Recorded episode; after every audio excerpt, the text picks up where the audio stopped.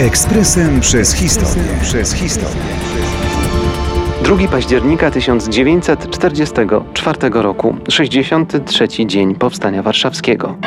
Był to jeden z najsmutniejszych, najbardziej przygnębiających dni w historii Polski XX wieku.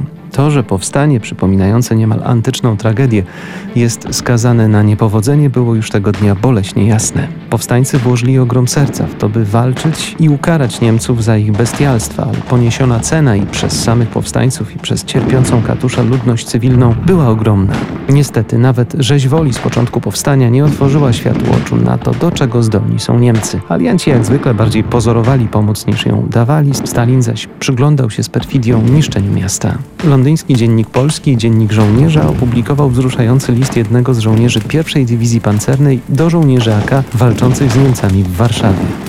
Koledzy, obrońcy Warszawy, w 63. dniu waszej walki nie chcemy rzucać sentymentalnych słów. Pamiętajcie jednak, że za każdy pocisk skierowany przeciwko wam i Warszawie odpowiadamy tysiącem pocisków, że zdobędziemy się na najwyższy trud i największy wysiłek, abyśmy mogli jak najprędzej połączyć nasze ręce na niezdobytych gruzach Warszawy. W tym czasie trwały już rozmowy kapitulacyjne, kilkanaście tysięcy cywilów opuściło tego dnia miasto. Artykuł wstępny w słynnym makowskim biuletynie informacyjnym zawierał poruszające zdania. Opuszczający dziś własne mieszkania i domy, mieszkańcy stolicy nie są dezerterami wielkiej i nigdy niepokonanej sprawy polskiej.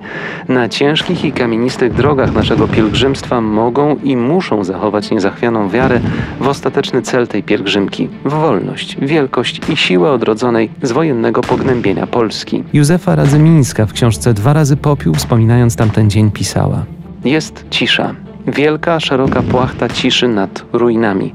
Ogłoszono kapitulację, ustały strzały. Gdy wyjdę z piwnicy, nikt mnie już nie zabije. Umilkło wszystko.